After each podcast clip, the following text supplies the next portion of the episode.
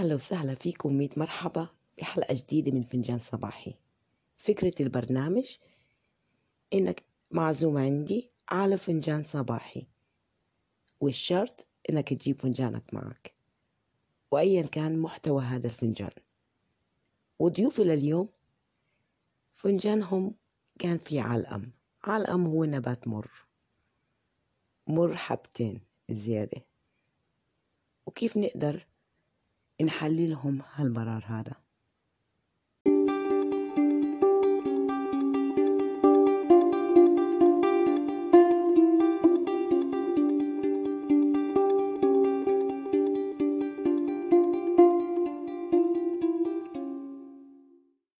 أحيانا الحياة بتاخد كل شي حلو منا وبنخسر بلحظة كل اللي بنيناه بسنين. وأحيانا نتعرض لظروف قاسية جدا وقوية. حياتنا بتكون عبارة عن زلزال بيزلزلنا ويهزنا وعينينا على السما نترقب الفرج. وشوي شوي لما يتأخر الفرج بنصير نطلب فترة راحة فاصل صغير مش أكتر. نترقب الفرج لنخرج من قاع هالبير لكن فجأة منلاقي نفسنا بقاع بير تاني أعمق وأوحش وأقسى. ألام وأحزان وقصص بنهايات مفتوحة من غير أي تفسير. تترك علامات استفهام على ملامحنا ليش؟ وكيف؟ وإمتى؟ وفوق هذا كله لما نوقع السكاكين تتسنن والكل بيبدأ يلوم ويحكم. تعرفوا أكتر ناس ساعدتوهم في حياتكم وأعطيتوهم من حبكم ووقتكم ومجهودكم وأحيانا من مالكم؟ هني أول ناس أعطوهم ظهركم إذا وقعتوا. لأنه معظمهم يعني ما بدي أعمم إلا ما رحم ربي. حيكونوا أول ناس حيطعنوكم وأول ناس حيجرحوكم وأول ناس حيسنوا السكاكين ضدكم.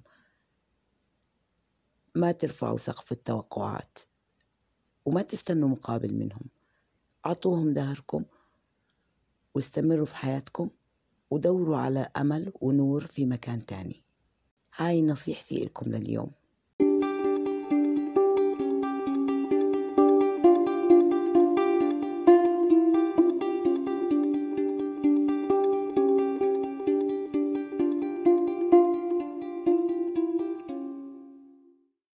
سيدة حسميها باسم لما.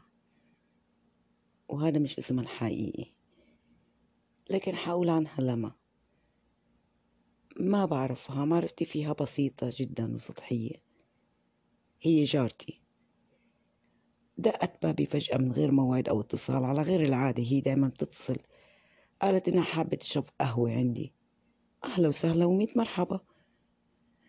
دخلت وبدأت تفتح مواضيع وتتكلم وتضحك. هي إنسانة مرحة جدا لكن ملامحها فيها شيء غريب.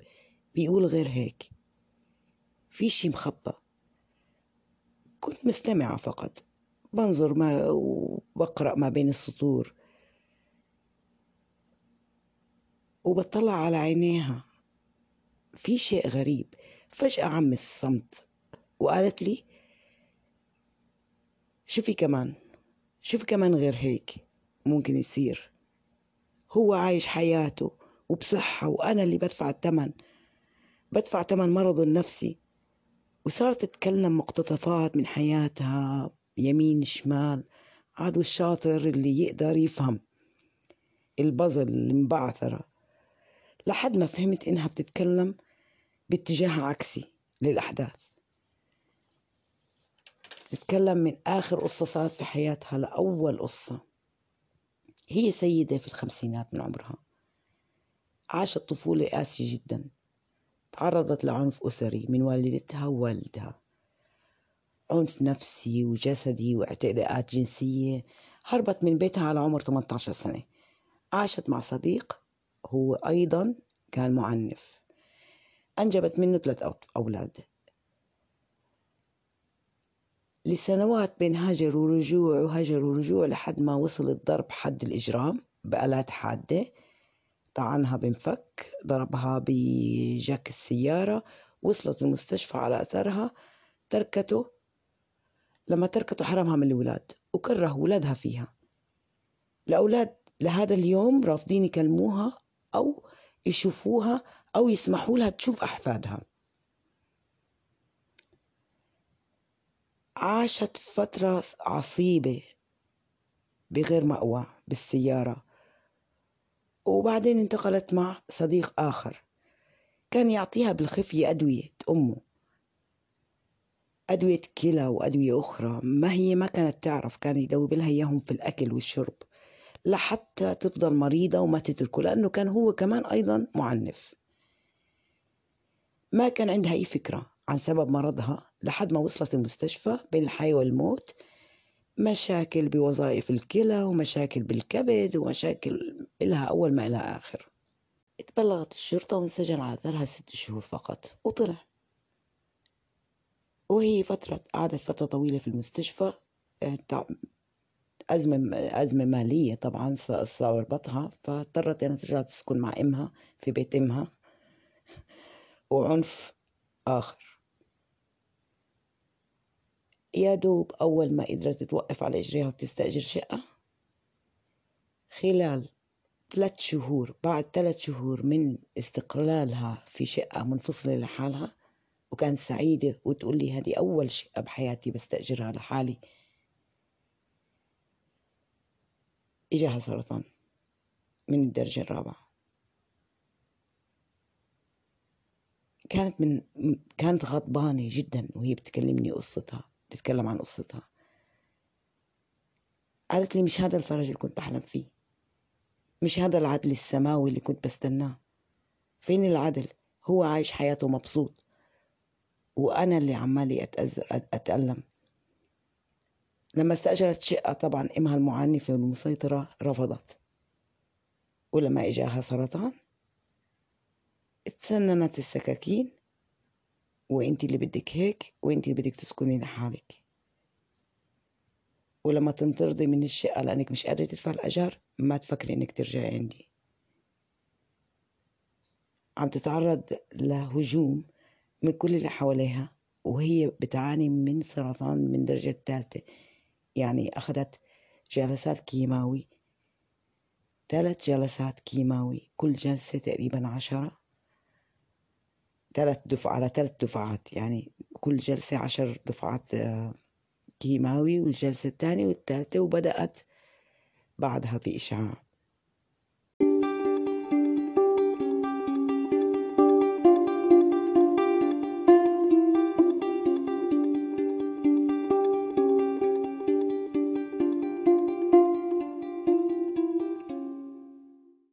صديق عزيز علي حسميه بيربل.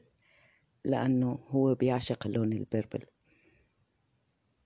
شاب في العشرينات في بداية العشرينات كلمني تليفون المكالمة استمرت قريب الساعتين. تركتني عاجزة عن الكلام. قصته كانت بنهاية مفتوحة. قلت له الحقيقة لابد إنها تظهر. لابد إنها تظهر يوم من الأيام. سألني كيف والحقيقة ماتت. ماتت مع بطل الرواية اللي مات موتة الأبطال. وعلق تعليق ساخر قال لي لو قصة حياتي مسلسل تلفزيوني بهاي النهاية لكنت قتلت ال director. كيف حتظهر الحقيقة؟ الحقيقة ماتت واندفنت. ونفس الأسئلة ليش؟ وإمتى؟ وين؟ وشو اللي صار؟ شو اللي صار؟ إيش اللي وصلنا لهون؟ علامات علامات استفهام كتيرة تتزاحم تفكيرنا ما إلها إجابة. لو شو ما اجتهدنا ترهقنا وتتعبنا وتفقدنا الأمل والإيمان بكل شيء. تفقدنا الأمل ببكرة تفقدنا الأمل بالإنجاز تفقدنا الأمل في الحياة بتفقدنا الثقة باللي حوالينا بتفقدنا الثقة بالناس اللي بنحبهم بتفقدنا الثقة بالحب نفسه. تفقدنا الثقة بمشاعرنا. ما بنعود واثقين بمشاعرنا ما بنكون ما بنعود نتعرف على مشاعرنا. نوصل لمرحلة ملخبطين. هلأ صار موقف معين كيف لازم أشعر؟ لازم أشعر بالسعادة ولا بالحزن ولا ولا بالاكتئاب؟ ما أنا عارفة. توصل لمرحلة أنت ما بتعرف مشاعرك ما بتعود تتعرف عليها. الدماغ بيعمل block لأي مشاعر. لا بتصير تحزن كتير ولا بتصير تفرح. تعلق بمنطقة بالوسط. الدماغ عندك بيعمل block لأي مشاعر. عشان يحافظ على نفسه كنوع من أنواع الحفاظ على البقاء surviving.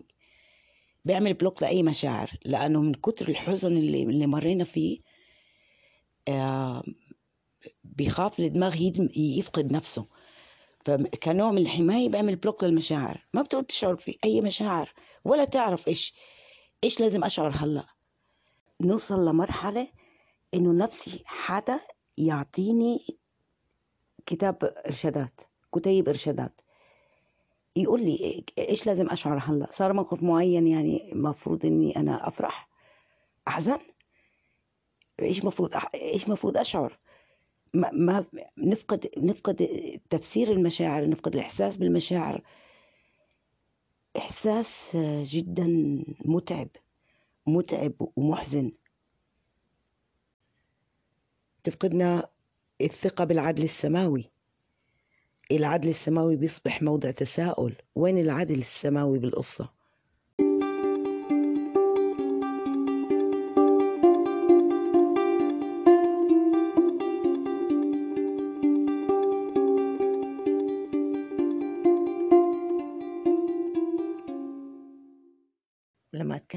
العدل السماوي هون أو أسأل فين العدل السماوي؟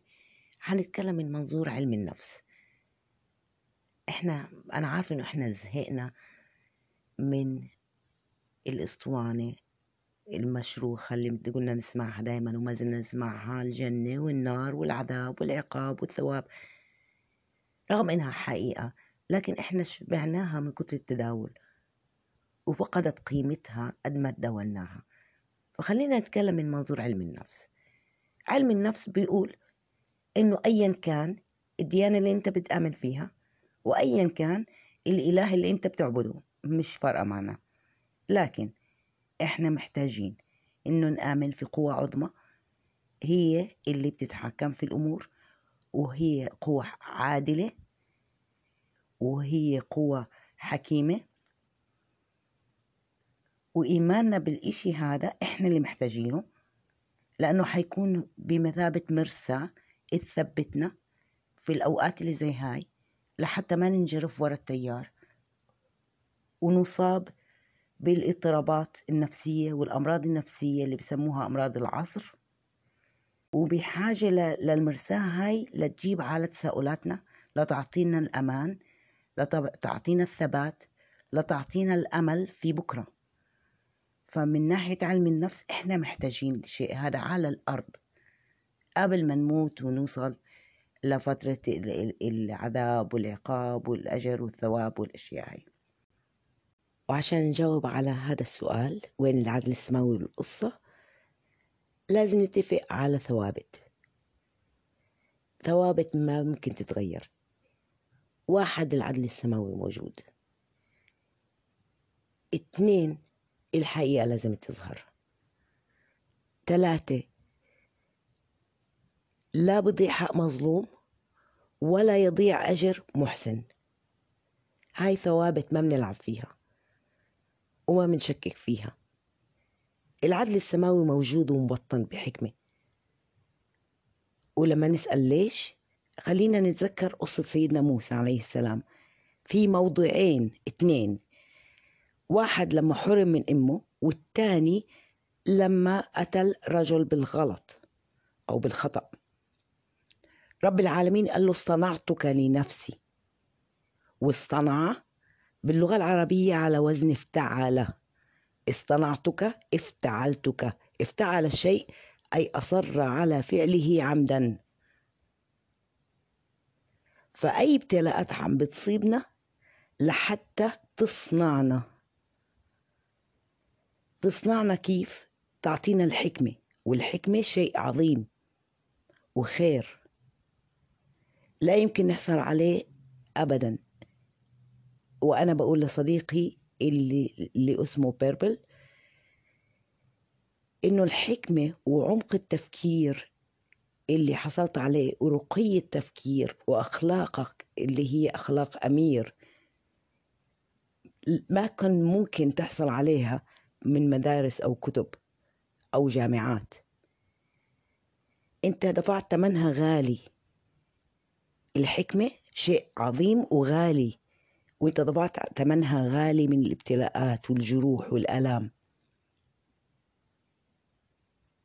أحب أقول لك إن المحادثة كانت من أروع الساعات اللي قضيتها بحياتي. كنت عاجزة عن كلام. بعمرك الصغير هذا عمق تفكيرك والحكمة والأخلاق الكريمة اللي أنت فيها خلتني عاجزة عن كلام وبقدم لك كل الاحترام. ولما تواجهنا الأسئلة الفلسفية الكونية اللي هي كيف وليش وإمتى وشو اللي صار لابد إنه نعرف شيء مهم. لغة أهل السماء ومنطق أهل السماء مختلف تماما عن لغة أهل الأرض ومنطق أهل الأرض. لغتين مختلفين. مثلا في لغة أهل الأرض لما أقول لك واحد بيساوي واحد ما إلها حل تاني واحد بيساوي واحد. لا يمكن تساوي عشرة أو مية. ولو أكدت لك إنه واحد بيساوي مية أو عشرة لكان رجعتني لأولى ابتدائي أتعلم رياضيات لأنه واحد ما بيساوي غير واحد. أما في لغة أهل السماء ومنطق أهل السماء واحد ممكن تساوي عشرة وممكن تساوي مية وممكن تساوي ألف وممكن تساوي عشرة آلاف. لأنه الحسنة بعشرة بعشرة أمثالها وأضعاف مضاعفة. يعني الواحد ممكن يساوي عشرة والواحد ممكن يساوي مية وممكن يساوي ألف. هذا في منطق أهل السماء أو لغة أهل السماء.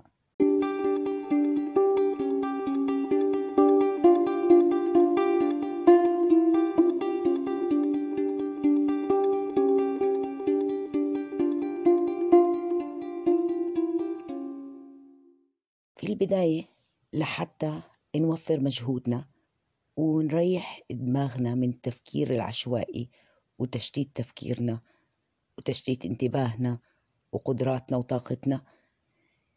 الأسئلة اللي بنسألها لنفسنا إيش اللي صار وكيف وليش وإمتى؟ كلها أسئلة ما إلها أجوبة. الجواب الوحيد اللي لازم نقنع نفسنا فيه ونقتنع فيه من بكل من كل قلبنا إنه إن كل اللي صار لحكمة. مش شرط أشوف الحكمة ومش شرط أعرف إيش هي المهم إني آمن إنه ربي أو الخالق أو الإله اللي أنا بعبده حكيم وهو اختار هيك لحكمة. مش ضروري أشوفها مش ضروري أعرفها لكن في حكمة. هيك أنا برتاح. ما بعود تفكيري يضل متشتت ورا إجابات ضايعة مش موجودة. واللي بيريح أكتر يكفيك فخرا إن رب العالمين عم بيصطنعك. أهم شيء مطلوب منا لما نمر بظروف صعبة زي هاي إنه نتمسك بالأمل. والطريقة اللي يعتبر صعبة أنا بعرف لكن الطريقة الوحيدة للتمسك في الأمل هو وضع خطة لإنجازات معينة. لازم نحط قدامنا هدف وإنجاز حتى لو كان بسيط. أذكر فيلم الأمريكي كاست أواي شخص كان للي ما بيعرف الفيلم شخص كان على طائرة تابعة للبريد فيديكس وعلق في جزيرة لحاله مات كل الطاقم وهو علق لحاله. فتح كل الطرود اللي عنده اللي ظهر اللي اللي اللي وصلت على الجزيرة معه جزيرة مهجورة وخلى طرد واحد فقط ما فتحه الطرد هذا هو اللي أعطاه الأمل. كان وراه مهمة لازم ينجزها. هو اللي أعطاه الأمل إنه يستمر في الحياة. هو اللي أعطاه الأمل إنه يستمر في المحاولة إنه يخرج من هاي الجزيرة. هذا الأمل هو الخط الوحيد اللي بخلينا نستمر. ولما نستنى فرج ما نعلق حياتنا ليجي الفرج. نستمر في حياتنا. وإذا طلبنا الفرج ما منشرط على رب العالمين. ما ما أطلب من رب العالمين إنه يكون الفرج مادي أو فرج بواحد اثنين ثلاثة. ما تشترط على رب العالمين. لأنه الفرج بيجي بلغة أهل السماء. إحنا ما بنتدخل فيه. كيف الفرج بيجي بلغة أهل السماء؟ حذكر لكم قصة. مثال. ونفسرها بلغة أهل الأرض. هي قصة سيدنا محمد عليه الصلاة والسلام لما هاجر على المدينة. في البداية هو 13 سنة كان بينشر الدين في قريش. بلغة أهل الأرض ولغة العسكريين أو السياسيين إذا بدك تنشئ دولة تنشئها في مكان قوة عظمى يعني أنت بتستعين في قوة عظمى. بهذاك الزمان القوى العظمى بالجزيرة العربية كانت قريش والطائف. قريش رفضته. فكان التفكير العسكري والسياسي لإنشاء دولة الاستعانة بالقوى العظمى الثانية اللي هي الطائف. لما راح على الطائف رفضوه الطائف وبلغوا عنه قريش إنه وصل لعندهم واستعان فيهم وهذا يعتبر خيانة خان أهل أهله وعشيرته. فحلل دمه. القوى العظمى الثالثة اللي موجودة خارج الجزيرة أو أقرب قوى قوى سياسية بهديك الفترة أو تكتل سياسي كانت أثيوبيا. أصحاب الرسول صلى الله عليه وسلم هاجروا على أثيوبيا. صح أنه أثيوبيا رحبت فيهم لكن ما نشرت الدين ما ساعدته. بعد 13 سنة إجا الفرج لكن إجا الهجرة على المدينة. من الناحية السياسية أفشل خطة على وجه الأرض. إذا كنت سياسي أو كنت عسكري حتقول أفشل أفشل خطة. كيف؟ المدينة أول شيء هي مدينة صغيرة ثاني شيء منفية على جهة الغرب. بتحيطها الجبال من ثلاث جهات مدفونة بين الجبال. عبارة عن قبيلتين عشيرتين أوس وخزرج بيناتهم تار وحروب. وثلاث قبائل يهودية متحكمين بالاقتصاد والإعلام والزراعة. متحكمين في الأكل ومتحكمين في الصناعة ومتحكمين في الإعلام. كانوا هن بيثيروا الفتن. بين الأوس والخزرج عشان تستمر الحروب. من الناحية العسكرية أفشل خطة على وجه الأرض إني أسافر على آه، المدينة وأبدأ دولة هناك. لكن بلغة أهل السماء كانت هي أنجح خطة والتاريخ بيتكلم إنه بدأت الدولة الإسلامية وانتشرت من المدينة. زي ما إجا الابتلاء في حكمة بيجي الفرج بحكمة. وهاي الحكمة ما بتتفسر بلغة أهل الأرض. فالفرج إجا بلغة أهل السماء وأثبت التاريخ إنه إنه خطة ناجحة وحكيمة. بلغة أهل الأرض إذا فكرنا فيها بمنطق العسكري أو بالمنطق السياسي فاشلة مليون في المية.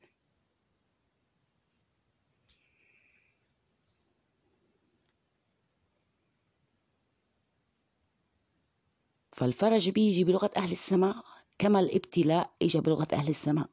لحكمة إحنا ما بنناقش فيها ما بنعترض عليها. ما نسأل ليش. إذا سألنا ليش حنرجع لمنطق أهل الأرض.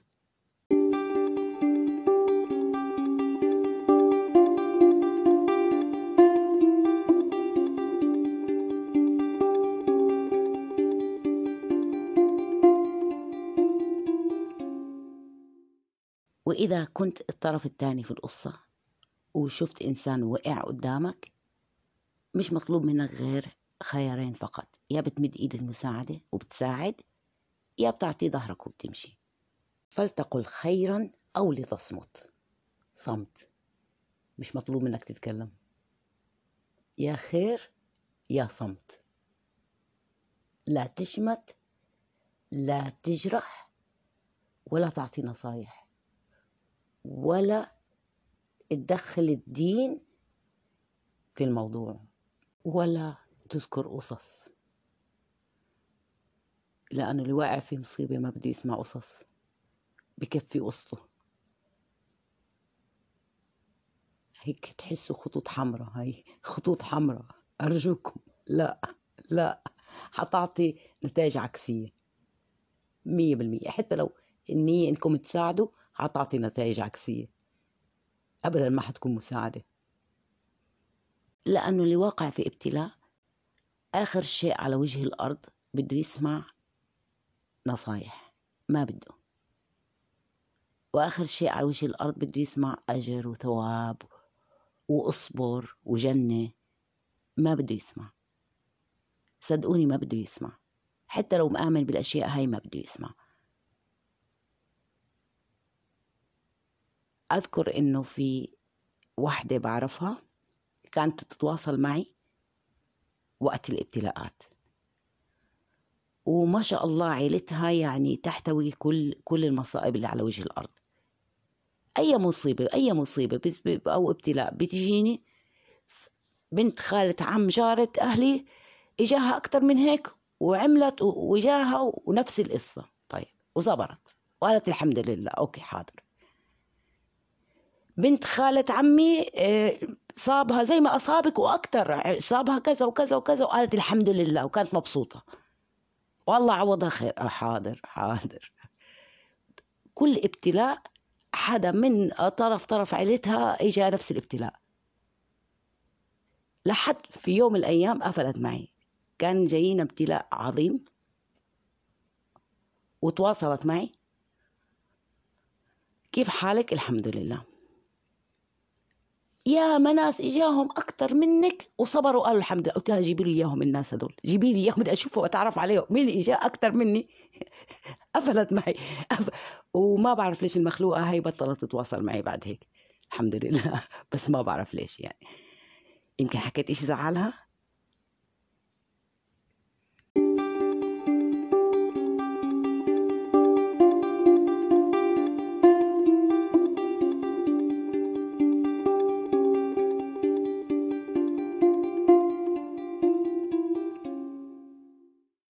لما تشوفوا إنسان بيوقع أرجوكم ما تعطوا نصايح لأنه هذا الإنسان كل اللي بده إياه فيها هاي اللحظة حدا يسمعه حدا يحس فيه حدا يفهمه.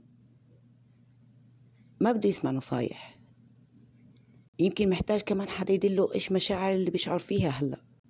ما بده يسمع المنطق ما بده يسمع أي شيء. بده إنسان يسمعه يفهمه يحس فيه. في مرة أذكر قصة. كنت مسؤولة عن ال floor في محل retail sale. وإجت زبونة كانت بدها كاشير. هي كان في ال cashier ال register العادي. وفي ال self checkout اللي بتساعد نفسك بنفسك. ال self checkout كان مسكر بأمر ال corporate. ما في متواجد عندنا غير المحاسبة الذاتية.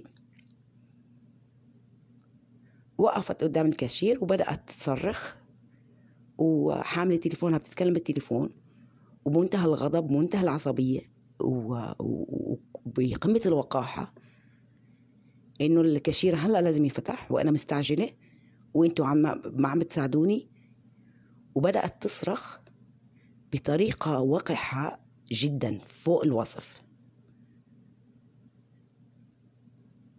فأنا دخلت طبعا بحكم وظيفتي إنه أنا قادرة أفهمك وقادرة أحس فيكي وعارفة إنك أنت غضبانة وإلك حق إنك تغضبي. أنا ما يعني مش متوفر كاشير عندي. هلا أفتح لك الكاشير. مش متوفر شخص مدرب إنه يفتح لك الكاشير. لكن بوعدك إني امرق لك البضاعة تبعتك على على ال self checkout بسرعة أسرع من أي كاشير تاني. أنا حساعدك بنفسي. وسحبت العرباية وبدأت أحاسبها على بضاعتها بنفسي بسرعة. وبدأت أتكلم مع معها إنه أنا حاسة فيكي ولو كنت مكانك أنا فعلا بغضب و... ولك كل الحق إنك تغضبي. طبعا لأنه الزبون دايما على حق فلازم إن نتكلم الكلام هذا عشان نهديهم. لازم يطلعوا من عنا وهن مرتاحين. وخلصت البضاعة تبعتها كلها وقلت لها شفتي أسرع من أي كاشير تاني زي ما وعدتك. فجأة طلعت علي وقالت لي آه عندك أولاد؟ قلت لها آه. قال بسن المراهقة؟ قلت لها آه. قال متعبين زي ولادي. قلت لها آه أحيانا آه الأولاد بكونوا متعبين بقدر أفهمك. مش عارفة لوين بدك توصلي من هالأسئلة هاي يعني. إلا هي قالت لي بنتي عمرها 13 سنة حاولت تنتحر اليوم الصبح.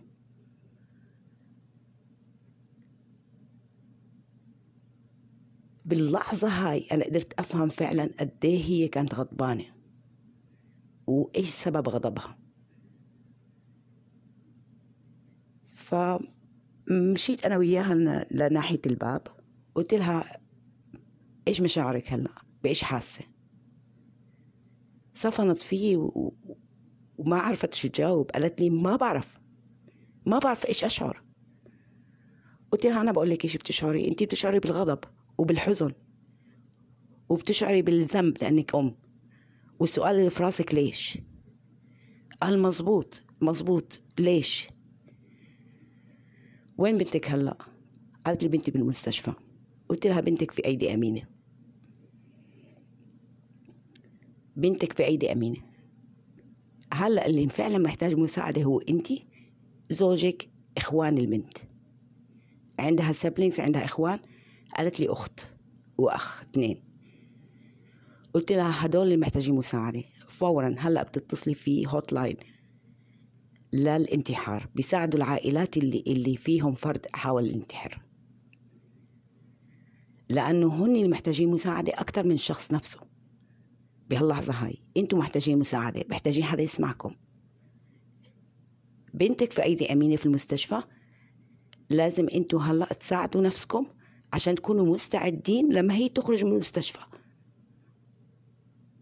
مستعدين تستقبلوها. المستشفى فورا حينزل لها معالج نفسي حيتكلم معها. فبنتك هلأ حتلاقي مين يساعدها؟ اللي محتاج فعلا مساعدة زوجك انت الأب والأم الإخوة.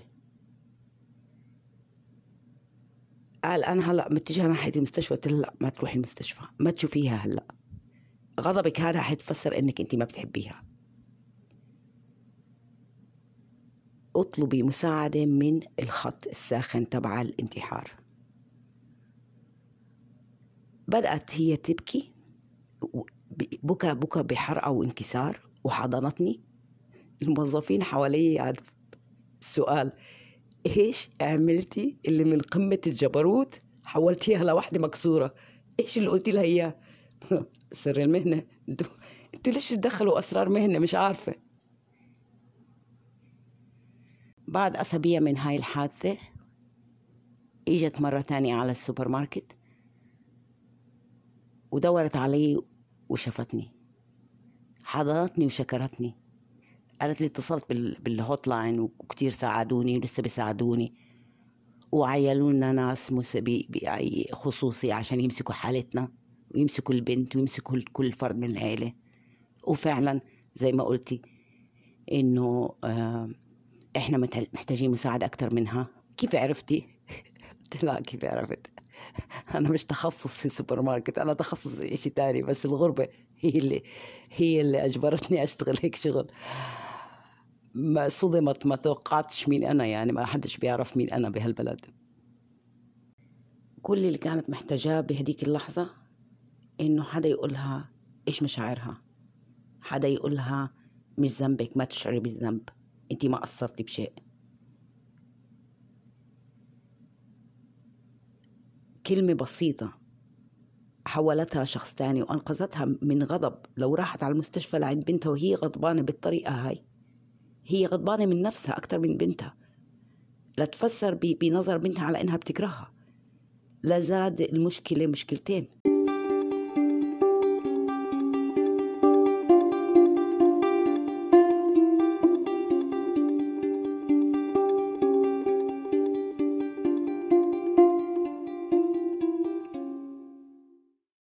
شيء في الدنيا بتعطيه لازم يرجع لك. لازم يرجع لك. بتعطي حب بيرجع لك الحب. بتعطي عطاء لأجل العطاء بيرجع لك العطاء. أعطوا على قد ما بتقدروا. أعطوا وقتكم بس لتسمعوا. أعطوا شوي من مشاعركم لتحسوا في الناس. مش مطلوب منك عطاء مادي دايما. صح إنه في ناس محتاجين عطاء مادي لكن في معظم الناس محتاجين ابتسامة. محتاجين تعطيهم بصمة في حياتهم. ولما تعطيهم ما تتخيل إيش ممكن تعطيهم. أنت ما تعطيهم أمل ببكرة بتعطيهم أمل في الحياة. بتعطيهم ثقة في الناس اللي حواليهم بترجع لهم الثقة. هلأ حتقولوا لي انت نصحتينا لما توقعوا ما تطلعوا ورا على الناس اللي ساعدتوهم. طب ليش أنا أساعد لما الناس ما بدها تساعدني؟ أنا بساعد وبعطي لأجل العطاء. العطاء بيعطينا سعادة. بيعطينا إحساس إنه أنجزنا وبيعطينا إحساس بأهميتنا وقيمتنا. السعادة في العطاء. لكن برضو بنرجع بنقول إحنا بنعطي بلغة أهل الأرض. هذا اسمه سيطرة. لما أعطي أعطي أنا لأجل إني أنا أعطيتك ترد لي أو أنا أعطيتك أمنن عليك هذا لغة أهل الأرض هذا مش عطاء. لما تعطي أعطي بلغة أهل السماء. أعطي لأجل العطاء نفسه لأجلك أنت. ما تطلع لمين أعطيت ولا تستنى مقابل. والعطاء اللي عطيته حيرجع لك. عشان هيك بقول لك لما توقع دايما طلع على الناس اللي دخلوا حياتك جديد. هم اللي حيرجعوا لك العطاء بشكل أو بآخر. هم اللي حيرجعوا لك العطاء. بطريقة حلوة لا يمكن تتخيلها. في بنت أمورة حلوة عمرها 21 سنة. كانت بتشتغل معي بنفس الشغل لمدة سنتين في قسم تاني وما كنا نعرف بعض. قبل ما تترك الشغل في الشركة آخر شهر بدأت أتعرف عليها. مرة كانت بتأكل مفتول وبسألها أنت إيش بتاكلي؟ كسكسي؟ قال آه كيف عرفتي الكسكسي؟ أمريكية كيف عرفتي الكسكسي؟ يعني أنا نفسي أعرف. قال إيش فيها؟ أنا بحب الكسكسي جاوبتني بجفاصة. فأنا جاوبتها بجفاصة. البنت هاي أنا عارفة إنها بتمر بظروف صعبة وهي تركت الشغل لأنها حاسة بالإضطهاد وحاسة إنه آه، ما أعطوها حقها وظلموها. وعارفة إنها هي فقدت الثقة في كل اللي حواليها وفي كل الناس. فكانت الفكرة إنه ألطف الجو معها وأنا عارفة إنها هي فقط مجرد إنه في في أمل في الدنيا. في في ناس كويسين على فكرة بالشركة مش كلهم بالبشاعة اللي أنت مريتي فيهم. وهي ما كانت متقبلة يعني ما كانش متقبلة إنه حدا يتكلم معها. هلا في طريقة ما الموضوع صار لطيف جدا بيني وبينها وهي تركت الشركة وبدأت تزورني في البيت وبدأت تتعاطف معي. أول سؤال كانت سألتني أنت ليش كويسة معي؟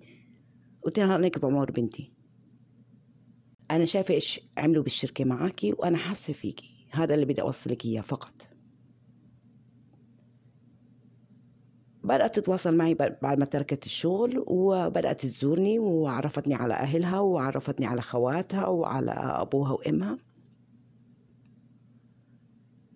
في يوم عيد ميلادي فجأة إجت في يوم عيد ميلادي كانت مداومة في البريد هي بتشتغل في البريد. ومداومة 12 يوم متواصل من غير أي يوم إجازة. وكان تاني يوم اليوم ال 13 وكانت شغالة من الساعة تنتين ونص الصبح للساعة ثلاثة ونص العصر. non-stop متواصل. إجت بالزي تبع الشغل. كانت حاملة معها كمية بلالين غريبة مرسوم عليها فراشات. ومعلق فيها ladybug تنتين. إلهم أجنحة.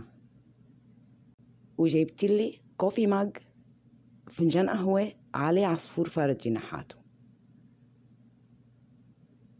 وقالت لي أنا جاي أقضي معك اليوم لأنك لحالك وأنا حابة أكون بنتك هون ومش حابة تتركي أتركك في يوم زي هذا لحالك.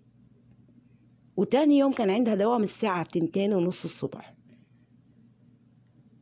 قضت النهار كله معي للساعة 8 بالليل.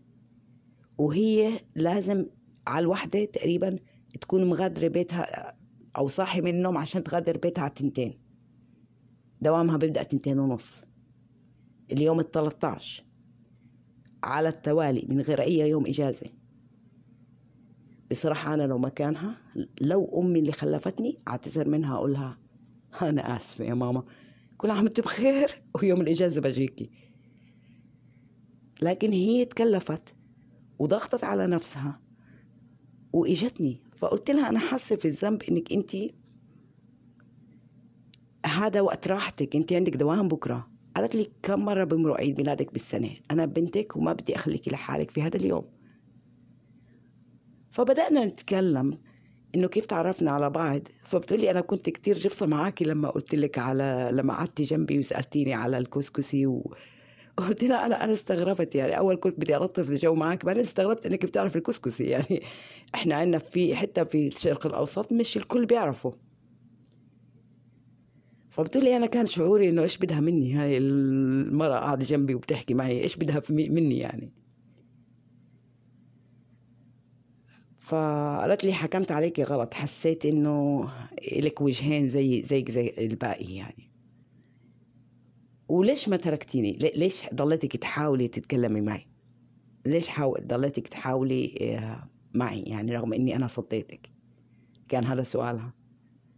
قلت لها حسيت إنك أنت فقدتي الثقة في كل اللي حواليك. وفقدتي الأمل. وكنت حاسة فيكي وحاسة بالظروف اللي بتمري فيها وعارفة إني أنا ما حقدر أفتح معك الموضوع لأنك أنت مش واثقة بحدا تحكي معه فكان الفكرة إنه أقول لك إنه في ناس كويسين في هالدنيا مش كلهم بوجهين. قالت لي فعلا هذا اللي حسيت فيه هذا اللي وصلني هذه المشاعر اللي وصلتني. قالت لي ما كنت ما كنت تتخيلي قد إيه كنت محتاجة حدا يقول لي هذه المشاعر بهذيك اللحظة. وبدأت تشرح لي ليش هي جابت لي كل هالهدايا هاي بأجنحة. قالت لي العصفور فرد جناحاته.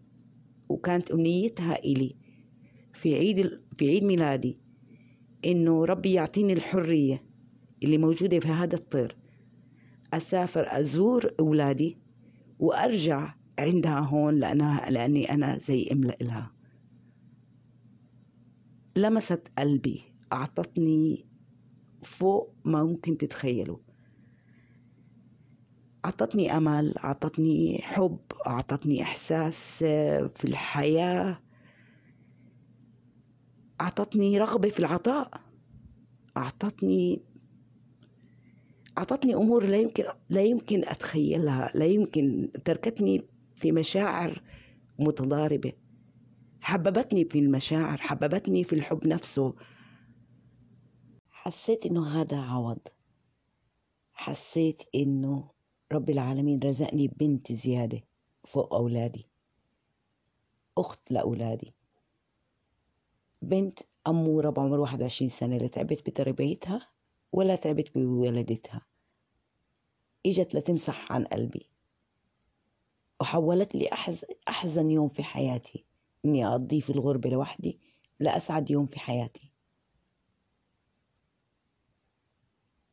لا يمكن أوصف مشاعري بهذيك اللحظة مش قادرة أوصفها. ما في كلمات توصفها. ودخلنا المطبخ وحضرنا وجبة عشاء لأنها كانت جاي من الشغل قلبي جوعانة ما, ما مش آكلة. فأول ما سألتها أنت جوعانة؟ تغديتي؟ قال لا ما تغديت أنا جوعانة. وهم المطبخ نحضر لقمة ناكلها قضينا أحلى يوم. حسيت هذا اليوم هدية من رب العالمين لا كان في البال ولا على الخاطر ولا بالحسبان. ما كنت توقعته ولا كنت عارفة ولا كان مطلوب منها نتيجة أعطتني وإجتني وأعطتني من وقتها وبذلت مجهود جامد في تدور على هدايا لتوصف مشاعرها. لأجل العطاء فقط. ما في شيء بربطني فيها ما في شيء ما في أي مصلحة. لا بنشتغل مع بعض ولا إنها مصلحة مع بعض. فقط لأجل العطاء فقط لأنها حبتني. فقط لأنه بيوم من الأيام هي حست إنه أنا حبيتها وفهمت عليها. وعلى هيك بكون خلصت حلقتنا لليوم وخلصت قعدتنا لليوم. أشوفكم على خير بحلقة جديدة. على فنجان صباحي جديد.